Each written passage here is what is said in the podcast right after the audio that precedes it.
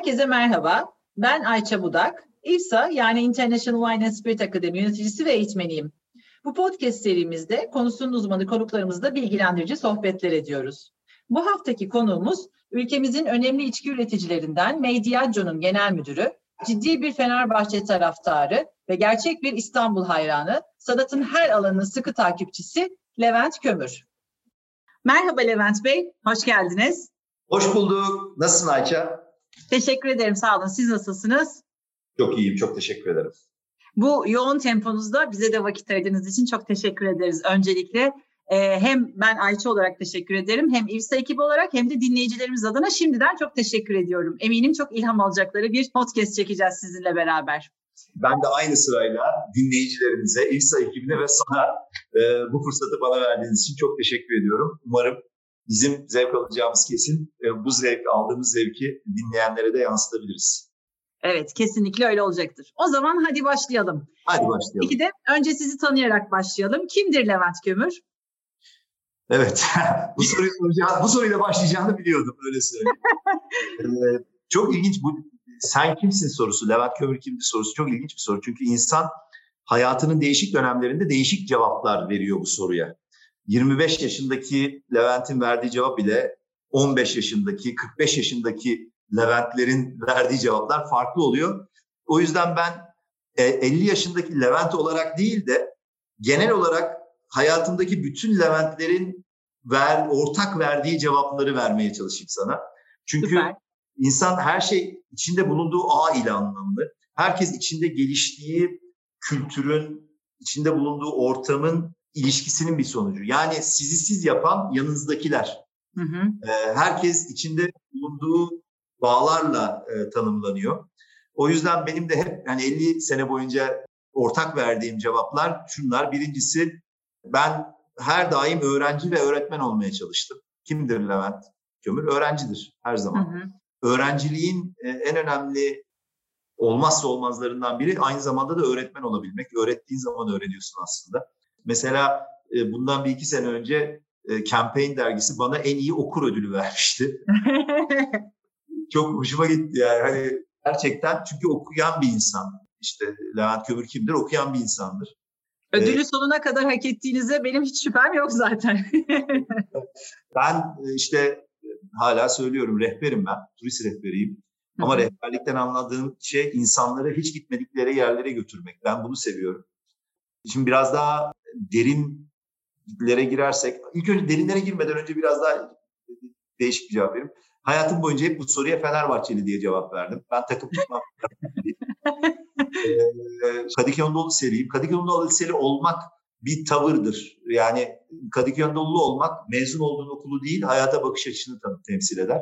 Hatta bundan önceki bir şeyde canlı yayında Kadıköy Anadolu olduğumu söyledim. Altta gelen yorumları Hatta sen göndermiştin. Yorumlardan birinde şey diyor. Kadıköy Anadolu'luysa kesin Fenerbahçelidir aynı zamanda diye de birisi yorum.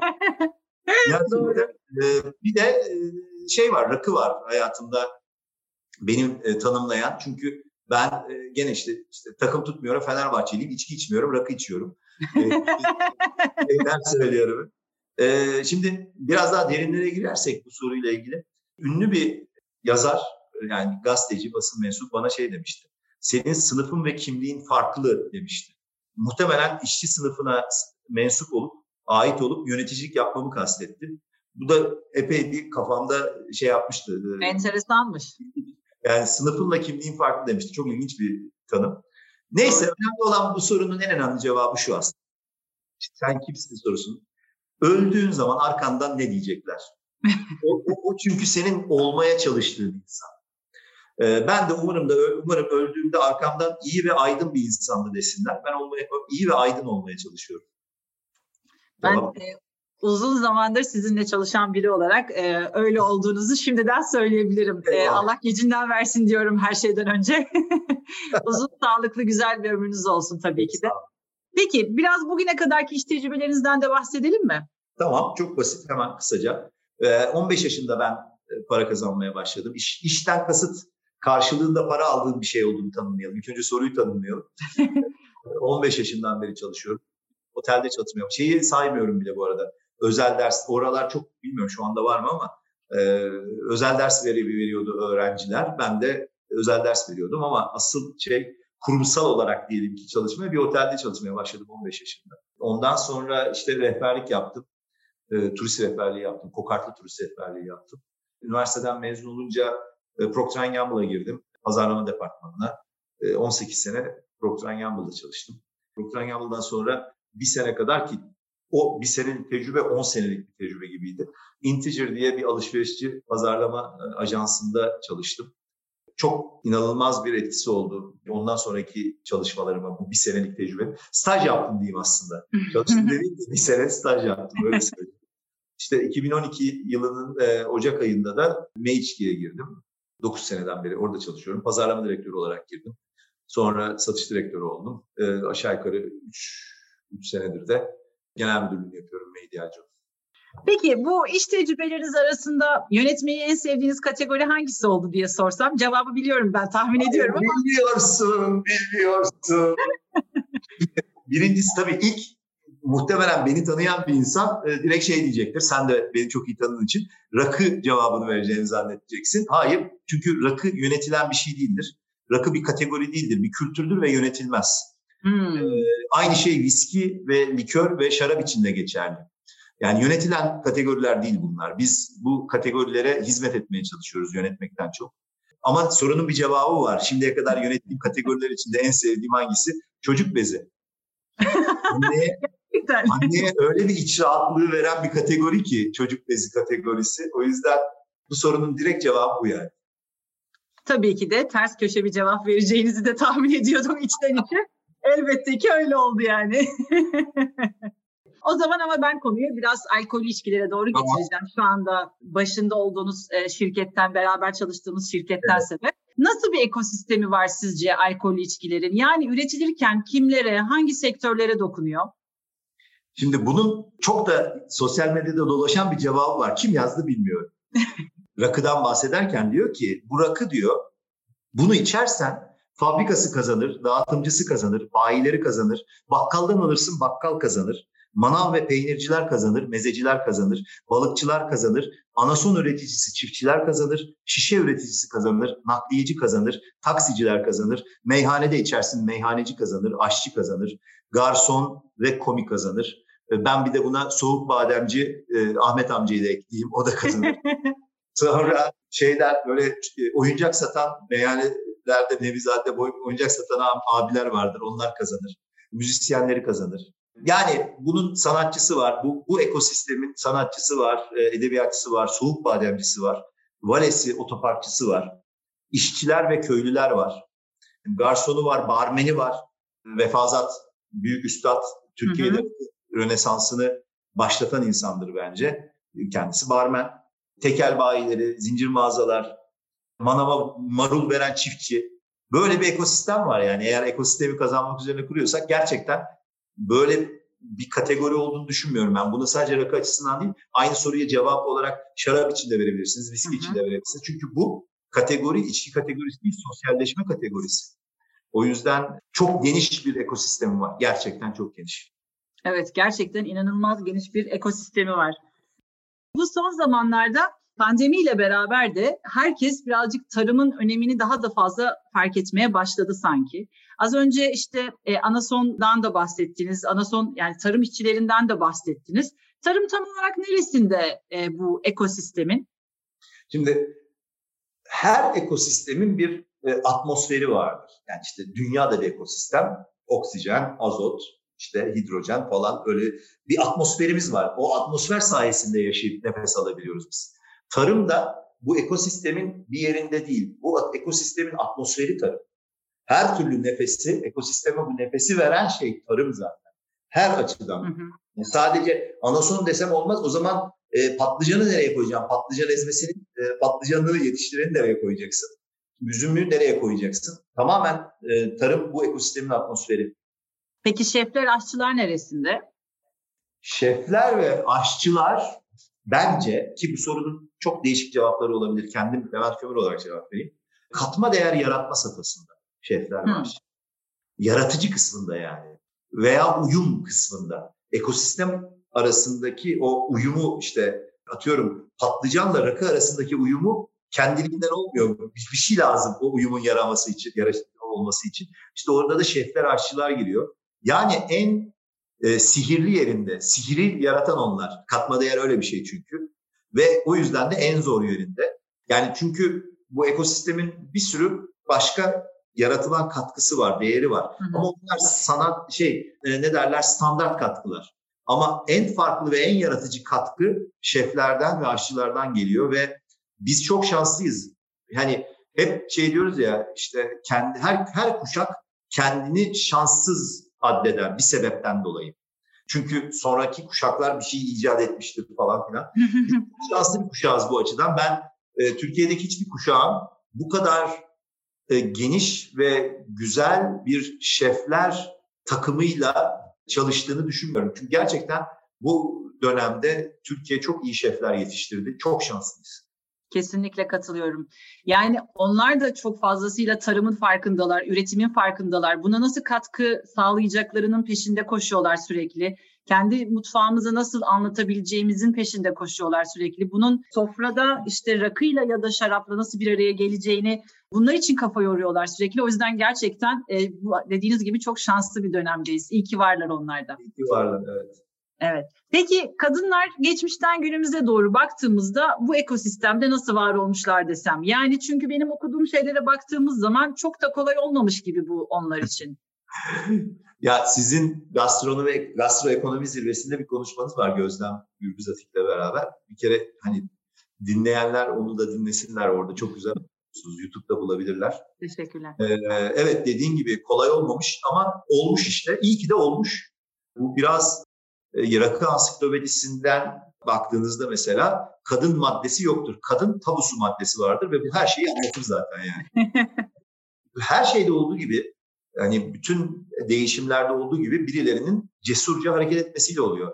Burada bizde işte e, Mina Urganlar, Tomris Uyarlar, Halet Çambeller var. Yani orada anlatıyor. Şimdi bir tanesini unutursam çok e, üzülürüm diye. Leyla Erbil, Cahide Sonku hepsi. onların cesaretiyle olmuş. E, olan zaten. Yani bir değişim zaten cesaretle oluyor. E, iyi ki de olmuş diyorum çünkü kadının içinde bulunduğu değişimde diğer değişimlere göre bir şey daha farklı oluyor. Standartlar artıyor. Standartlar gelişiyor. O sayede de zaten bu ekosistemin e, standartları gelişmiş. Çok doğru.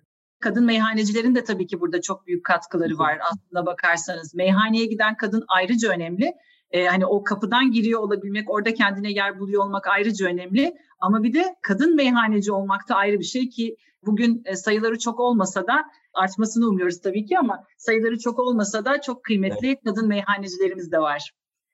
Peki klişe bir soru olacak ama tabii ki sizin klişe bir cevap vermeyeceğinize eminim. Rakı nedir? Valla e, klişe cevap verip vermemekten öte biraz kendimle ilgili bir cevap vereyim. Çünkü e, mazimizin çok eskilere dayanmadığı tanıdıklarım meyhane ve rakıyla ilişkimin işimden dolayı olduğunu düşünüyor. Aslında bunun tam tersi. Ben meyhaneyi ve rakıyı sevdiğimden dolayı işimi seviyorum. İşimden dolayı meyhaneyi değil veya meyhaneyi ve rakıyı bildiğimden, çaba harcadığımdan bu iki kavramın üzerine bu işi yapıyorum. Bu işi yaptığım için e, rakıyı biliyorum değil. Çünkü rakı benim hayatımda noktalama işareti işlevi gördü hep nokta, virgül, ünlem, iki nokta üst üste, soru işareti, paragraf aç, paragraf kapa. Mesela biz Beyoğlu'nda bir meyhanede evlendik. Arkadaşlar hala en çok eğlendikleri düğünlerden biri olduğunu söylerler. Ee, işte Fenerbahçe şampiyon olduğunda da ve çoğunlukla olmadığında da e, meyhanedeydik biz. E, yurt dışında çalışırken arada bir dostları ziyarete geldiğimde Atatürk Havalimanı'ndan taksiye binip ilk iş Nevizade'ye giderdim. Bir sandalyede ben, bir sandalyede bavulum otururdu. İstanbul'a merhaba derdik. İşte aramıza biraz soğukluk girmiş dostlarımızla rakı içerken rakı sofrasında yeniden başladık hep. 33 seneden beri bir müdavim ben. Ne kadar güzel bir kelime değil mi müdavim? Devam evet. etmek, süreklilik göstermek. Çok acayip bir kelime müdavim. Bir insanın sahip olabileceği iyi sıfatlardan biri bence. 2012 yılında bu müdavimlik ilişkim işte 33 seneyi geçmiş olan müdavimlik ilişkim yeni bir şekil aldı. Ve ben 16 e, Ocak 2012'de Meyçki'de e, pazarlama direktörü olarak işe başladım. Kaderin cilvesi ki 16 Ocak 2009'da da ben babamı kaybetmiştim. Tam 3 sene sonra Meyişki'de işe başladım. O yüzden diyorum ya e, noktalama işareti, e, nokta, virgül, paragraf aç, paragraf kapa benim için rakı. Evet, hayatınızın önemli bir parçası her daim de Evet. öyle olmuş anladığımız Evet, kadarıyla. evet. Peki, rakı coğrafi işaretli bir içki ama ne demek bu? Yani coğrafi işaret olunca ne yapabiliyoruz, ne yapamıyoruz? Ya şöyle çok doğru, e, çok da teknik insanları sıkmamak için çok şeye tekniğe girmeyeceğim. Hı. E, Bir kere coğrafi işaret zor bir şey. Kazanmak zor, uyumak çok zor ve coğrafi işaret gerçekten o ürünün değerini artıracak bir şey. Hı hı. O anlamda böyle şey gibi sarılıp sarmalamayız bu coğrafi işaret. Ki Türkiye'de coğrafi işareti ilk alan tarıma dayalı ürünlerden biri de rakı zaten. İlklerden biri yani. Rakı için coğrafi işaretin daha da bir önemi var. Çünkü bu coğrafyada birçok kuzeni olan bir içki rakı baktığınızda. Uzosu var, arağı var, e, var yani. E, Hı hı. işte var. O yüzden rakının özellikle coğrafi işaretinin tanınması çok önemli bir şeydi. Amaç dediğim gibi değerini artırmak ve ne yapmalıyız? Ee, rakının coğrafi işaretini kendi ticari çıkarlarımıza peşkeş çekmememiz lazım. Hı hı. Yani gerektiğinde evet belki ticari olarak bizi zorlasa bile coğrafi işarete sadık kalıyor olmamız lazım. Ya da coğrafi, ticari olarak bizi zorladığı için coğrafi işareti değiştirmeye kalkmamamız lazım. Bu çünkü uzun vadede bizden sonraki kuşakların bu rakının değerini artırmasına yardımcı olacak bir şey bu coğrafi işaret. Orada herhangi bir şirket daha fazla kar etsin diye e, olan bir şey değil. İşte coğrafi işaret tanımı içinde üretici olarak bizi çok zorlayan ve mal, ne demeye çalışıyor? Maliyetimizi artıran şeyler de var ama iyi ki de varlar. Nedir coğrafi işaret işte? Türkiye'de rakı üretiyorsanız veya rakı demek için mutlaka mutlaka içinde üzümden yapılmış etil alkol olması gerekiyor o ürünün. Üzümden yapılmış etil alkol. Böyle görüyorum işte bazı rakılarda neredeyse hiç üzüm e, alkolü yok falan diyorlar. O rakı değil zaten. Rakı olması için e, mutlaka bu üzümden yapılmış etil alkol olması lazım. İkincisi o üzümün de Türkiye'de üretilmesi lazım. Evet. Daha da zor. e, o da zor bir, daha zorlaştırıcı bir şey. E, üçüncüsü anason gene Türkiye'de üretilmesi lazım ve her türlü anason olmaz. Yıldız anason olmuyor mesela Çin'de ağaçta yetişen bir anason var. Yıldız anason. Hı hı. E, o olmuyor. Pimpinella insum denilen Türkiye'de üretilmiş anason olması lazım.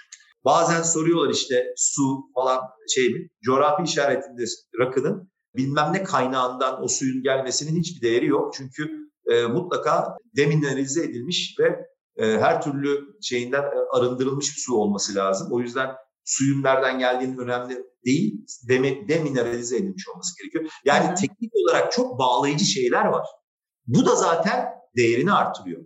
Ve coğrafi işarette bizim ikinci amacımızın Türkiye'de coğrafi işareti var ama Almanya'da rakı üreten de rakı diyebiliyor.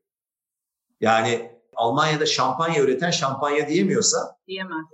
bizim coğrafi işaretimizin bütün dünyada da tanınması lazım. Sadece Türkiye'de tanınmasının yetmiyor. Ee, bunun için uğraşmamız lazım. Ee, ancak o zaman zaten rakının değeri artacak. Evet. Bu arada tabii ki de Türkiye'de üretilirken bütün ham maddeleri Türkiye'den geldiği için hani Türk malı mıdır değil midir diye bir ayrım yapılmasına da gerek yok herhalde değil mi? Zaten her şeyi bu topraklardan. Bir kere zaten Anadolu'yu düşünüyor olmamız lazım. Olay her şeyden önce rakı bir Anadolu içkisidir. Hı hı. Uzo ve Arak'tan en büyük farkı budur zaten. Doğru. Ee, şey bu. Bunu bunu düşünüyor olmamız lazım her zaman için. Anadolu üzümü Anadolu unsuru kullanılır. Anadolu derken şey Trakya'yı da içine katarak coğrafi e, coğrafi bir e, tanımlama yapmıyorum, etnografik bir tanımlama yapıyoruz. Ya bu kadar sınırları belirlenmiş bir içkide inovasyon yapmak da zor aslında değil mi? Yani işte üzümü Anadolu'dan olacak, ne kadar miktarının üzüm alkolü olması gerektiği belirlenmiş, anasonun cinsi belirlenmiş, anason oranı belirlenmiş. Bütün yani üç aşağı beş yukarı çerçevesi belli. Böyleyken de rakıda yenilikler, inovasyon da yapmakta zor. Bayağı zorlanıyor olması lazım ekibin. Yok yok e, hiç zorlanmıyorlar. Sen de biliyorsun. Kısıtlamalar insanı daha yaratıcı yapıyor. İyi ki de varlar o anlamda. E, Çünkü gerçekten daha yaratıcı olunca daha katma değerli şeyler yapabiliyorsun. O yüzden ben e, gayet memnunum yaptığım. Yani Yapılan inovasyonlardan da memnunum. Geldiği yerden de memnunum. Belki itiraz ettiğim tek şey olabilir kısıtlamalarla ilgili. Biliyorsun Türkiye'de rakı üretebilmek için en az 1 milyon litre üretim kapasitesine sahip olman lazım. Bunun bence ortadan kalkması lazım. Ki hmm. dünyada da bir söz sahibi olsun rakı. Bu inovasyonun değil de rakının genişlemesinin önündeki bir engel. Ee, ben bunun yanlış olduğunu düşünüyorum. Onun dışındaki kısıtlamalar bizi daha çok yaratıcı yapıyor. Ustalık ne kadar önemli rakı için? Yani sonuçta formül belli. İşte e, alkol, üzüm alkolü e, artı anason artı su formülü. Birçok insan böyle görüyor. Ustalık ne evet. kadar önemli burada? Şöyle, e, bir kere gastronominin her safhasında ustalık çok önemli. Yani anason çiftçisinin de bir ustalığı var. E, demin bahsettiğimiz patlıcan ezmesini yapan e, şefin de bir ustalığı var. Bizim rakı yapan ustalarımızın da bir ustalığı var. Cin yapan ustalarımızın da ustalığı var. Yani gastronomi söz konusu, yani ustalık e, bir şekilde öne çıkıyor. Neden? Çünkü gastronomi bir deneyim. Eğer deneyimden bahsediyorsanız, yani içinde deneyim geçen her cümlede mutlaka gizli özne ustalıktır. Ama ustalık tek başına yetmez. Deneyimin üç tane önemli bileşeni var. Bu gastroekonomi zirvesinde gene benim yaptığım bir konuşmada söylemiştim. Birinci bileşeni özgünlük, özgün düşünceler, özgün hareketler, özgün ürünler neyse. Hı hı. Ee, işte coğrafi işaret bunun gibi bir şey zaten. Yani coğrafi işaret özgünlüğün tescili zaten. Ee, ikincisi ustalık. Üçüncüsü de bileşenler arasındaki uyum. Bu üç şeyi sağladığın zaman gastronomi deneyimi başka bir safhaya geçiyor. Özgün olmak, ustalık ve bileşenler arasındaki uyum. Evet gerçekten gene çok güzel açıkladınız. Ustalık da önemli. Ustalık olmazsa deneyim de olmaz. Bir bacağı eksik kalır. Peki e, bir sürü e, rakı kategorisinde yeni ürün çıkıyor. E, insanlar yani rakı severler daha doğrusu bu e, inovasyonlara ne kadar açıklar? E, yeni türdeki rakılara ne kadar açıklar? Şimdi inovasyonun yayılımı veya yeniliğin yayılımı denilen bir kuram var. E, o der ki herhangi bir yenilikte beş tip e, bir, yani o yayılımın e, bir şeyi var. E, ne derler? Bir sırası var. E, bunlar mesela her toplumda da bulunan e, her toplumda bulunan bir bu yeniliği yapanlar, icat edenler, e, yenilikçiler. Sonra erken benimseyenler, sonra erken çoğunluk, sonra geç çoğunluk, sonra da tutucular e, tutucular e, o yenilikten başka bir alternatif olmadığı için o yeniliği almak zorunda kalıyorlar zaten. Yani o yeniliğe geçmek değil, ya başka alternatif yok zaten ne yapsın? E, her bunun bir şey var, dağılımı var. İşte yüzde iki buçuk, on iki buçuk, otuz beş, otuz beş böyle diye gidiyor neyse yani. Hı hı. E, içinde de aynı şey geçerli.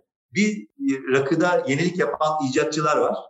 E, işte e, Duygu mesela e, bizim evet. icat eden e, arkadaşımız. Bir erken e, adapte olanlar var. İşte erken çoğunluk, geç çoğunluk böyle bir şey. Bütün şeylerde olduğu gibi rakıda da var yani. Hani ve dağılım da aynıdır. E, burada bazen şeyi karıştırabiliyoruz biz. Sosyal medya sayesinde kimin sesi daha çok çıkıyorsa o çoğunlukmuş gibi oluyor ya. Halbuki şey dağılım öyle değil. Rakının ekonomik olarak dokunduğu alanlar dışında bir de hayatın her alanında dokunduğu konular var. Onlardan bahsetsek biraz. Kısa bir cevap vereyim buna. Çünkü Peki. rakı değil hayatın her e, yanına dokunan, rakının sofrası. E, Rintler rakı sofrasına oturur oturmaz şunu söylerlermiş. Yani oradan zaten e, bu bütün sorunun cevabı çıkacak. Müdavele-i efkardan esrarı hakikat doğar derlermiş. Müdavele-i efkardan esrarı hakikat doğar. Müdavele-i efkar fikirlerin elden ele geçmesi. Esrar hakikatte gerçeğin sırrı. Yani fikirlerin değiş tokuş edilmesinden gerçeğin sırrı doğar. İşte rakı sofrası da böyle dokunuyor hayata. Gerçeğin sırrını ortaya çıkartıyor. Süper bir cevap oldu gene. Bu konuda çok güzel yayınlar da var. Yani hani rakının sofrasının dokunduğu konularda diyeyim. Çok güzel yayınlar da var. Önerileriniz olur mu? Evet bu birazcık şey bir soru oldu. Paslı bir soru oldu. Çünkü e, şöyle senin bana tavsiye ettiğin ve senin önerinle aldığın bir meyhane kitabı var. Emine Gürsoy'un e, editörlüğünü yaptığı kitabı yayınlarından çıkan. Bulabilirlerse onları onu alsınlar. Muhteşem bir kitap gerçekten. Ve çok da bilinen bir kitap değil o kitap. Okumaya o kitaptan başlar mıydım bilmiyorum ama e, e, mutlaka okurdum öyle söyleyeyim hayatımın bir döneminde. E, bunu mutlaka öneririm. Bizim de işte önayak olduğumuz birçok yayın var. Mesela bir ay kadar sonra bizim şirketimize işe başlayacak hani pazarlama departmanı da değil E, finans departmanında işe başlayacak bir arkadaşımız var. Onunla konuşuyordum. Ne yapayım bir ay boyunca dedi. Rakı ansiklopedisi var onu oku dedi. ee, şimdi Rakı Gastronomisi kitabı var. O da çok güzel bir kitap. Olağanüstü bir kitap evet. evet Rakı ansiklopedisi. Vefazat'ın kitapları var. Ben Vefazat'ın kitaplarıyla başladım ilk. Hani Hı-hı. bu tedrisata. İlk e, şeydi adabıyla rakı ve çilingir sofrası. Çok güzel bir kitap. Hı-hı. Okuduğunuz zaman zaten hep e, bu kültürle ilgili şeyler okumak istiyorsunuz. Peki siz çok okuyan birisiniz. Başta da söylediğimiz gibi ödülümüz bile e, olmuş bununla ilgili. ve edebiyatı da çok sevdiğinizi biliyorum. Sizce rakıyı ya da meyhaneyi en güzel anlatan şair ya da şairler ve en güzel anlatan yazar ya da yazarlar desem? Bunun için e, ayrı program yapmak lazım. Allah'tan bir önceki soruları çabuk cevaplamışım. Şimdi tabii e, Levent Kömür'e yazar ya da şair sorduğun zaman soru ne olursa olsun cevap Nazım Hikmet'tir.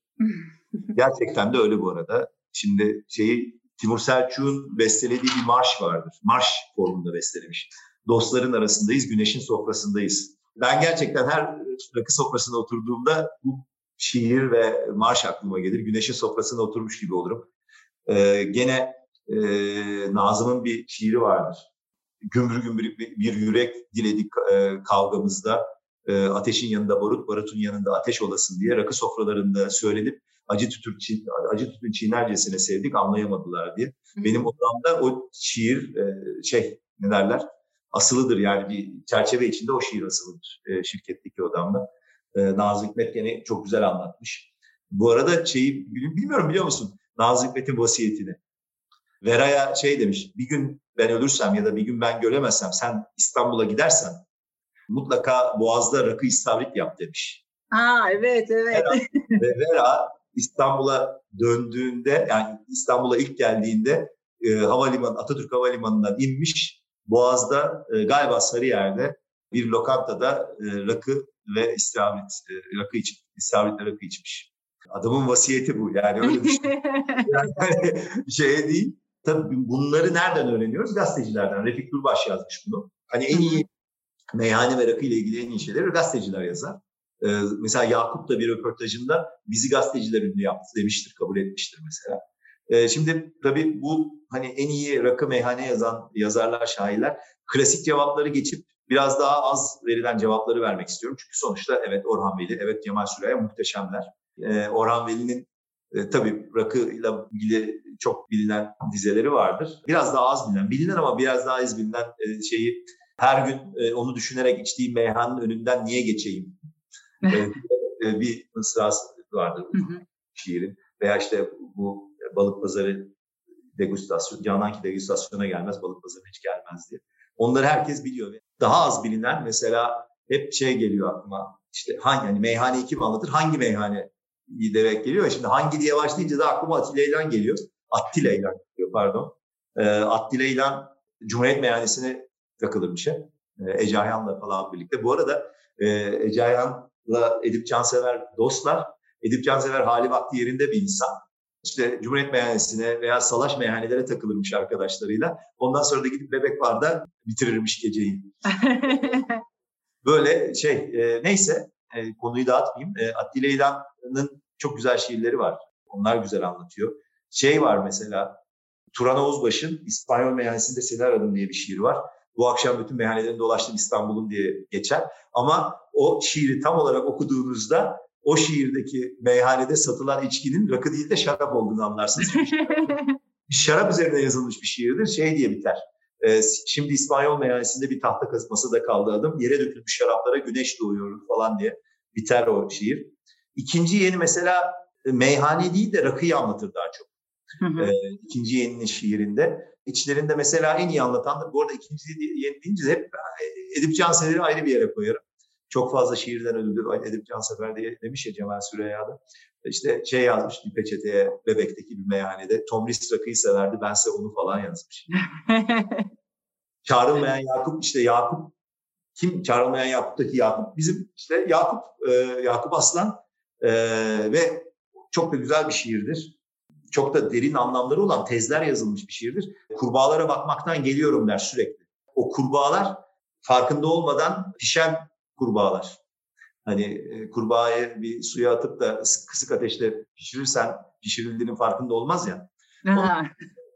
Meyhaneleri dediğim gibi en güzel gazeteciler yazar ama şimdi bizim biraz daha aslında eskilere gitmemiz lazım. Bütün bütün bu söylediğim şiirlerden, yazılardan daha güzelini divan edebiyatı şairleri yazmış meyhane ile ilgili. Özellikle e, Nedim'de vardır. E, bize lise yıllarında divan edebiyatı falan okuyorduk biz lisede. Çok severim okuduk, ben. Biz de okuduk evet. hani kısıtlamaların yaratıcılığı arttırmasından bahsettik ya. İşte en büyük kısıtlama divan edebiyatında var. Yani öyle bir şey var ya hani kalıplara uyduracağım falan. Hı hı. İnsanlar oradan o kalıplardan inanılmaz güzel şiirler çıkarmışlar.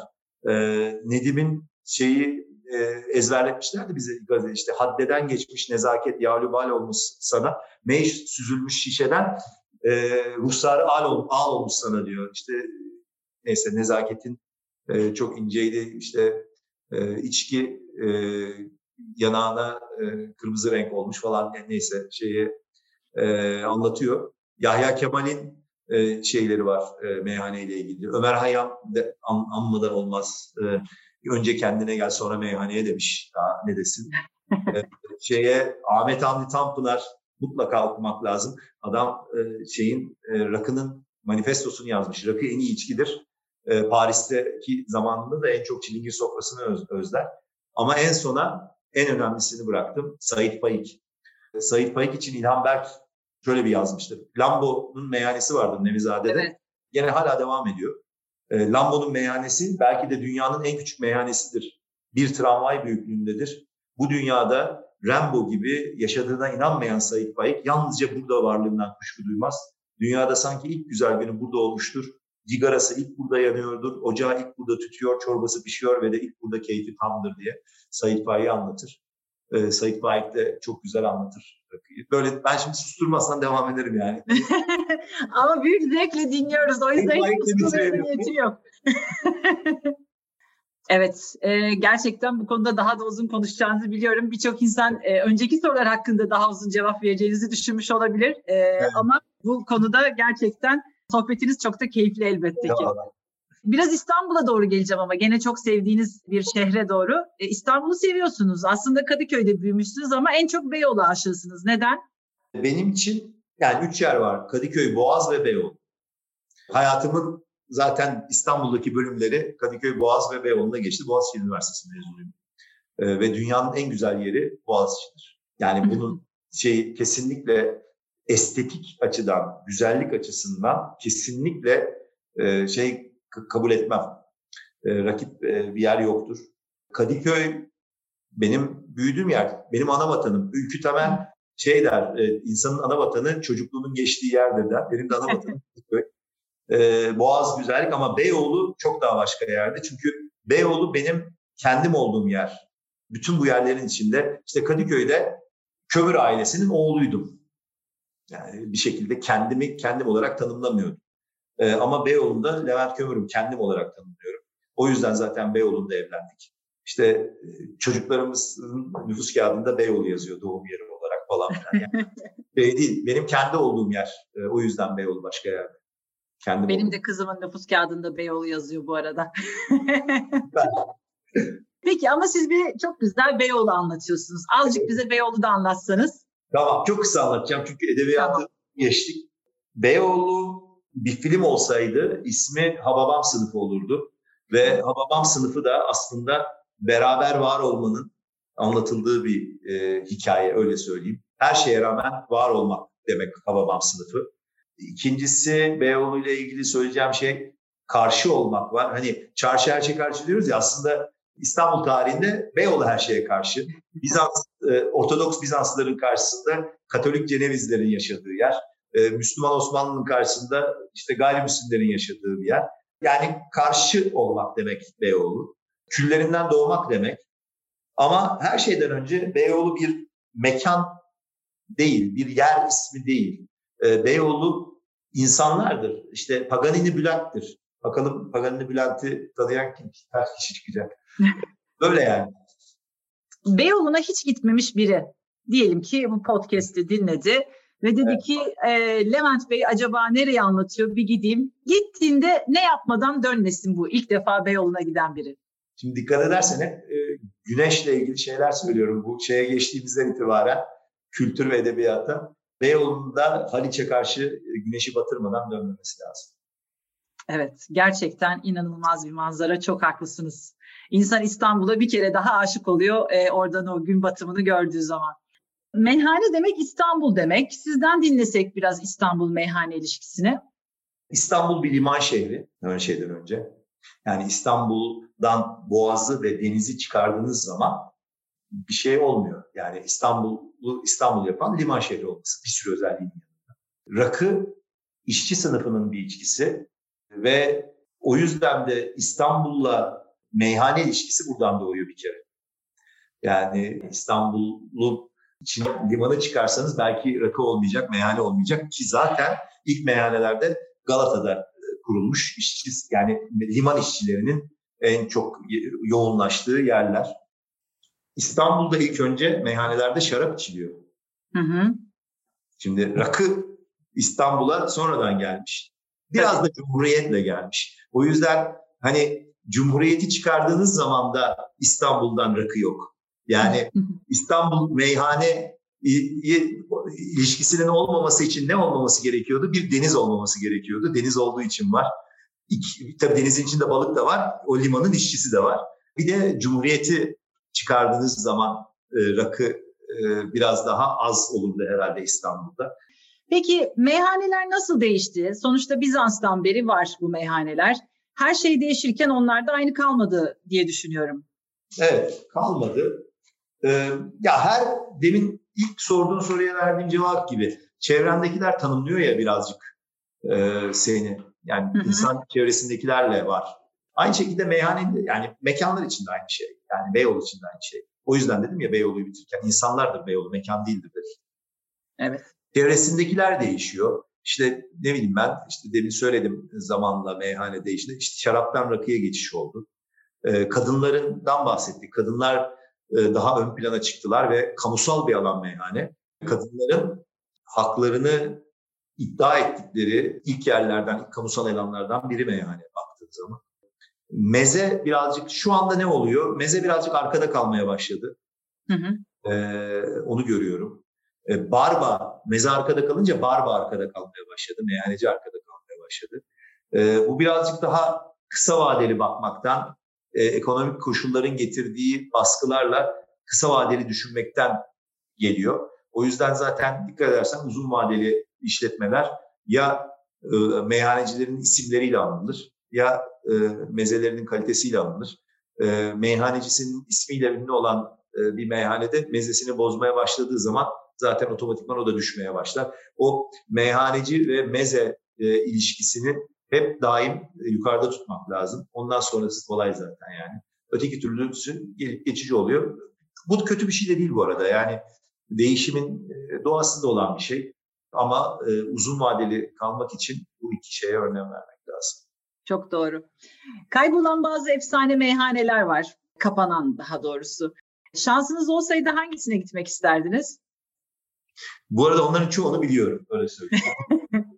hani işte e, kim şu meyhaneye gidermiş, kim meyhaneye gidermiş. O yüzden isimlerini vermeyeceğim. Biliyorum ama. E, okuduğum için ama görmediğim bir meyhaneye gitmek bana çok depresif geliyor. O yüzden ben bizden sonraki kuşakların gideceği meyhaneye gidiyorum ki gidecekler. Bir meyhane olacak. 500 senedir var olan bir kültür bu. Bundan sonraki 500 senede de var olacak. Ben sonraki meyhaneleri merak ediyorum. Ama kendi gittiğim meyhaneler içinde en çok Süheyla'yı özlüyorum. Kapandı şimdi. Ee, Balık Pazarı'nın arkasında meyhaneydi. Ee, çok giderdik oraya. Orayı çok özlüyorum. Süheyla e, vefat etti. Ondan sonra zaten çok devam etmedi. En çok orayı özlüyorum. Okuduğum değil gerçekten gittiğim yani çünkü. Peki. Metin Eloğlu çilingir sofrası için demiş ki bu zıkkımın yanında Arnavut ciğeri ister bir, kiroz salatası ister iki, cacık ister üç. Katılıyor musunuz ve sizin olmazsa olmaz mezeleriniz nedir? Hemen cevap vereyim. Bir, e, turşu ve canerik. e, Allah'tan turşu var çünkü her mevsimi yiyebiliyorsunuz ya turşu. Evet. Zaten mantığı o. Turşu ve canerik. Canerik mevsimi ise canerik mutlaka. Ve turşu. Ee, Ahmet yani Metin Eroğlu çok güzel söylemiş. Ee, Ahmet Hamdi Tanpınar da demin dedim ya işte e, manifestosunu yazmış. Rakı en iyi içkidir. Bir, her akşam değilse de haftada iki defa içilmelidir. İki, huzurda yazmış galiba bu. Tam emin değilim tam hangi eserinde yazdığını. Domates salatası, balık, kavun, beyaz peynir, biraz çiroz. Daha fazla meze zararlıdır demiş. Evet gerçekten öyle. Ee, rakı sofrasını şarap sofrasından farklı kılan nedir peki? Bunun bir klasik cevabı var. O klasik cevabı sen biliyorsun, sen söylersin. Bir de ters köşe cevabı var. Ee, rakı sofrasıyla şarap sofrasının en büyük farkı bence e, rakı sofrasının bu topraklara özgü olması. E, şarap bu topraklarda doğdu ama e, şu anda dünyanın her yerinde şarap sofraları kuruluyor. Bu çok iyi bir şey. E, bizim bu toprakların insan uygarlığına, e, insanlığa en büyük katkılarından biri şarap. Ve bu sayede de dünyanın her yerinde şarap sofrası kuruluyor. Rakı sofrasının farkı bu topraklara özgü, bu topraklarda kuruluyor daha çok şu anda. Bu da aynı zamanda zaten hani gelecekle ilgili bir şey öngörüm olsun. Kolay cevabı sen sonra verirsin veya hep. tamam peki. O zaman şaraba geçelim. Madem şarap dedik. Ee, e, ön sözünde bu sorunun klasik cevabı yazar. Rakı ansiklopedisinin ön sözünde okuyanlar bilir. Evet. Şimdi şaraba geçelim. E, madem şarap dedik. Ne tür şarapları, üzümleri seversiniz? Daha tanenli üzümlerden e, yapılmış şarapları beğeniyorum ben. Öküz gözü, boğaz kere. Daha e, dolgun. E, şimdi biraz da böyle süper şarap e, bilgim yüksek o. Hele bir de senin şimdi karşında olunca mümkün olduğu kadar az konuşmaya çalışıyorum gördüğün gibi. Yok. Zaten kişisel e, tercihinizi sorduk. O yüzden Ama hani... şöyle e, şarap şimdi üzüm şarap şöyle ben dostlarımın yaptığı şarapları seviyorum. Çünkü ben e, kendileriyle de paylaşıyorum bu arada. E, Birçok dost şarap e, endüstrisinde neredeyse hepsini tanıyorum. E, tanımadıklarımda da gidip tanışıyorum. Yaptıkları şarap içiyorum. Dostlarımın yaptığı şarapları seviyorum. Çünkü iyi insan iyi şarap yapar. Ben buna inanıyorum. O yüzden de e, yani hangi şarapları tercih ediyorum? Dostlarımın şarapları. tamam. Ne zaman şarap içersiniz peki? Mutlu olmak istediğimde. Şarap insanı mutlu ediyor. En sevdiğiniz yemek şarap uyumu? Eyvah. ya bak bir Ayça'nın bana öğrettiği roze şarapla çiğ köfte. Şimdi ondan sonrası e, şey e, yani gerçekten tamamen benim bilgisizliğim üzerinde verilmiş cevaplardır. Erzincan tulumuyla e, öküz gözünü çok yakıştırıyorum. Palamutla da narince, palamut balığıyla da narince yakıştırıyorum. E, böyle yani. Bence palamutla narince gerçekten çok güzel uyuyor e, bu arada. E, tam da mevsimi. Narince zaten her mevsim bulunabilir bir şarap var. O, e, şarap onun da e, evet. e, öyle bir güzelliği var. Nasıl turşu her mevsim bulunabiliyorsa e, narince de her mevsim bulunabiliyor. Hazır palamut bolken mutlaka denesinler deriz. Peki bizim şaraplarımızın dünyada daha çok bilinmesi için, yabancıların daha çok Türk şarabı, Anadolu şarabı içebilmesi için ne yapmak lazım? Şimdi bunu 15-20 sene önce sorsaydım bu soruyu ve o zaman e, şu anda içinde bulunduğumuz şarap, Türk şarabı e, Rönesans'ın içinden geçmeseydik, özellikle şarap endüstrisinin içindeki kadınlar e, Türk şarap endüstrisini dönüştürmeden önce sorsaydım daha iyi şarap yapmamız lazım derdim. Şimdi ödemiyorum çünkü yapıyoruz. Evet. Şimdi bundan sonrası yani zoru beş, yani zor kısmını halletmiş durumdayız öyle söyleyeyim. Yani çünkü şey product yani ürün e, performansı çok önemli ve iyi şarap yapıyoruz. Gerçekten çok iyi şaraplar yapıyoruz. Sadece bizim yaptığımız şaraplardan bahsetmiyorum. Bütün şarap endüstrisinden bahsediyorum. Şimdi bundan sonra ne yapmak lazım? Mücadele etmek lazım. Ne için mücadele etmek lazım? Tanıtımın serbest kalması için mücadele ediyor olmamız lazım. Tanıt çünkü sorun içinde şimdi dünyada daha çok bilinmesi için ne yapmak lazım? Tanıtmak lazım. Yani Doğru. şey o yüzden de tanıtım serbestisi için mücadele etmemiz lazım. İkincisi daha adil bir vergi sistemi için mücadele etmemiz. Yani cevap mücadele etmek bir kere onu söyleyeyim. Hı hı. Mücadele parantezinde söyle cevap vereceğim. Daha adil bir vergi sistemi için mücadele edip ortaya çıkan kaynağı yatırıma dönüştürmek lazım. Yani sonuçta yani öyle bir sektör düşünün ki bir kaynak yaratıyor bu vergiyle ama o yaratılan kaynak o sektöre gitmiyor. Hı hı. O çiftçiye gitmiyor, o işçiye gitmiyor. Bir hem vergi sistemini adaletleştirip, adalet adil hale daha adil yap. bulmamız lazım hem de yaratılan kaynağı yatırıma dönüştürmemiz lazım. Ee, en kolay cevabı da en sona sakladım ama en önemli şeylerden biri de bu. İstanbul'un tekrar önemli bir turist destinasyonu olması lazım. İstanbul önemli bir turist destinasyonu olduğu zaman Türkiye'de oluyor. Yani ilk şey e, demin dedim ya işte icat edenler, e, erken e, adapte olanlar falan diye İstanbul öyle bir yer. O zaman biraz viskiye doğru geçiyorum. Sonlara doğru yaklaşırken Levent Bey. Viskiyi tanımlamanızı istesem. E, viski Çetin Altan'ın bir romanı. Doğru. o romanın da güzel bir hikayesi var. Viski ile alakalı bir hikayesi var. Şar, şey gibi birazcık. E, rakı gibi viskide. Ne demek istiyorum? Hem meşenin hem bakırın değdiği bir mucize. Çünkü hı hı. meşe de e, o e, sıvıya, içkiye değişik bir karakter katıyor. Bakır da. Aynı rakı gibi e, viski de hem viski meşeye değiyor hem bakıra değiyor. O yüzden çok daha e, zengin ve değişik bir e, aroma e, yelpazesi ortaya çık çıkıyor. Yani hani iki dünyanın da en iyisi falan derler ya öyle bir şey. Ülkemizde viski ne kadar popüler? Yani nerede yer alıyor tam olarak? Şimdi bir kere çok popüler olmuş her zaman için. Çünkü herkesin e, çocukluğundan kalma içki büfesindeki e, viskinin şişesinin içinde çay olma durumu vardır zaten. Yani, işte o içindeki şişede viski yoktur, çay vardır. E, artık onu e, hani kim içtiyse e, neyse e, o yüzden her zaman popüler olmuş viski. Şeydi ki ilk işte e, biz e, bizim arşivlerimize gittiğimizde 1920'lerden falan ithalatı var Türkiye'ye. E, ama biraz da ulaşılamaz olmuş. O yüzden de popülerlikle ulaşılabilirliği karıştırmamak lazım. Popüler olmuş ama ulaşılamaz olmuş. Şimdi o birazcık daha kırılıyor. Bizim ve diğer sektördeki diğer oyuncuların büyük çabalarıyla ve bloggerların da yani bu konuda yazan yazarların da büyük emeğiyle gelişiyor. Hatta bence şöyle söyleyeyim. Şarap, rakı, viski. Bu üç tane değişik içki türü içinde içenlerin en doğru bilgiye sahip olduğu e, tür viski. Yani viski içenler gerçekten viski ile ilgili en doğru bilgilere sahip. Şarapta birazcık kolaycılığa kaçıyoruz. İşte beyaz şarap, kırmızı şarap o kadar şey. Hani biliyor musun? E, renkten renkten ayırıyoruz yani öyle söyleyeyim. E, o kadar da şey yapmayayım. Tabii ki hani çok daha iyi bilenler var ama ben genel toplum şeyden bakıyorum. Peki öğrenmek de istemiyoruz şarapta. Rakıda ise çok daha sıkıntı var. Yanlış biliyoruz, yanlış bildiğimizi bilmiyoruz. Yani evet. Çok tehlikeli. En tehlikeli durum o. Ee, hani daha doğrusu doğru bildiğimiz konusunda iddialıyız. Öyle söyleyeyim. Hani yanlış biliyoruz, doğrusunu iddia ediyoruz. O yüzden İFSA'da başlamış olan bu e, e, sertifika, rakı sertifikası eğitimlerinin çok önemli olduğunu inanıyorum. Yani dediğim gibi viskide yanlış bilen çok az insana rastladım. Yani genelde doğru biliyorlar viski içenler. Ee, diğer şeyler gibi değil. Diğer içki türleri gibi değil. Evet. Haklısınız. Peki single malt mı seversiniz, blended mı yoksa hepsinin ayrı yeri zamanı mı var? Ben şimdi e, marka seçiyorum öyle söyleyeyim.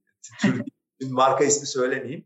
Ee, ama e, yani maltlar içinde de tercih ettiğim markalar var. E, harman viskiler içinde de tercih ettiğim markalar var. E, reklama girmemesi açısından söylemiyorum. Tamamdır, peki. E, iki türü de seviyorsunuz. O zaman ayrı yeri zamanı var diye anladım. Aynen öyle. Peki Levent Bey çok teşekkür ediyoruz. Çok keyifli bir sohbet oldu. Gerçekten çok teşekkür ederiz bize e, vakit ayırdığınız için. Son olarak e, eklemek istediğiniz bir şey var mı? Son olarak şöyle birkaç şey ekleyeyim. Birincisi ülke olarak biz orta geliri tuzağından tarımla çıkacağız. Ee, ve bizim içinde bulunduğumuz şu anda şirketimizin içinde bulunduğu e, sektörde tarıma dayalı bir sanayi şirketiyiz biz. Ee, tarım e, bu toprakların icat ettiği bir şey. O yüzden de tarımdan en çok faydalanması gereken kişiler de bizler olmalıyız. Biz icat ettik. Yani bizden önce bu topraklarda yaşayan insanlar icat ettiler yani. Tabii. En çok faydayı da bizim görmemiz lazım. O yüzden tarıma yönelmemiz lazım. Ee, aynı mantıkta turizm. Gene bu topraklarda icat edildi turizm. İnsanlar hani bir piramitleri görmeye geliyorlardı. Bir de Yunan eski antik e, şehirleri Efes'i görmeye geliyorlar. Turizm. Ee, gerçekten orta gelir tuzağından çıkış bu iki şeyle olacak ve bizim endüstrimiz aynı zamanda içinde bulunduğumuz şirketin içinde bulunduğu endüstri turizm endüstrisi aynı zamanda. Tabii. Üçüncü kurtuluş yolu, kurtuluş demeyeyim de bir yere daha iyi yere ihracat. İhracat için daha gitmemiz gereken çok yol var. Ee, eksiklerimiz var. Ee, şu anda yaptığımız ihracat yok denecek kadar az bu endüstride. Ee, bunun içinde daha çok ihraç edebilmemiz için e, tanıtım serbestisi lazım ülke içinde e, ve daha adil bir vergi sistemi lazım ki bu kaynakları ihracata aktarabilelim. Bir geçmişe teşekkürle bitirmek istiyorum. Bir de geleceğe mesajla bitirmek istiyorum. Gerçekten bu sektörde senin gibi emek vermiş e, birçok kadın var.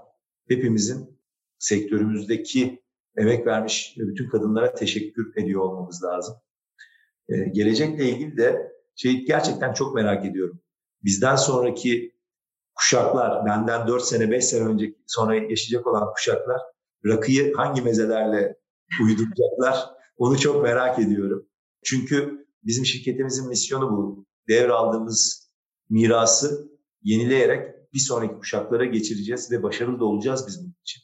Hani nasıl hani bizden 3-4 kuşak sonra ne hale gelecek onu çok merak ediyorum. Eğer bundan 200-300 sene sonra bu yayını e, rakı içerek dinleyenler e, bize bize bize de bir kadeh kaldırsınlar. Gerçekten çok güzel mesajlarla dolu bir final yaptınız. Eyvallah. Teşekkür ediyorum. Ağzınıza sağlık Levent Bey. Sağ olun.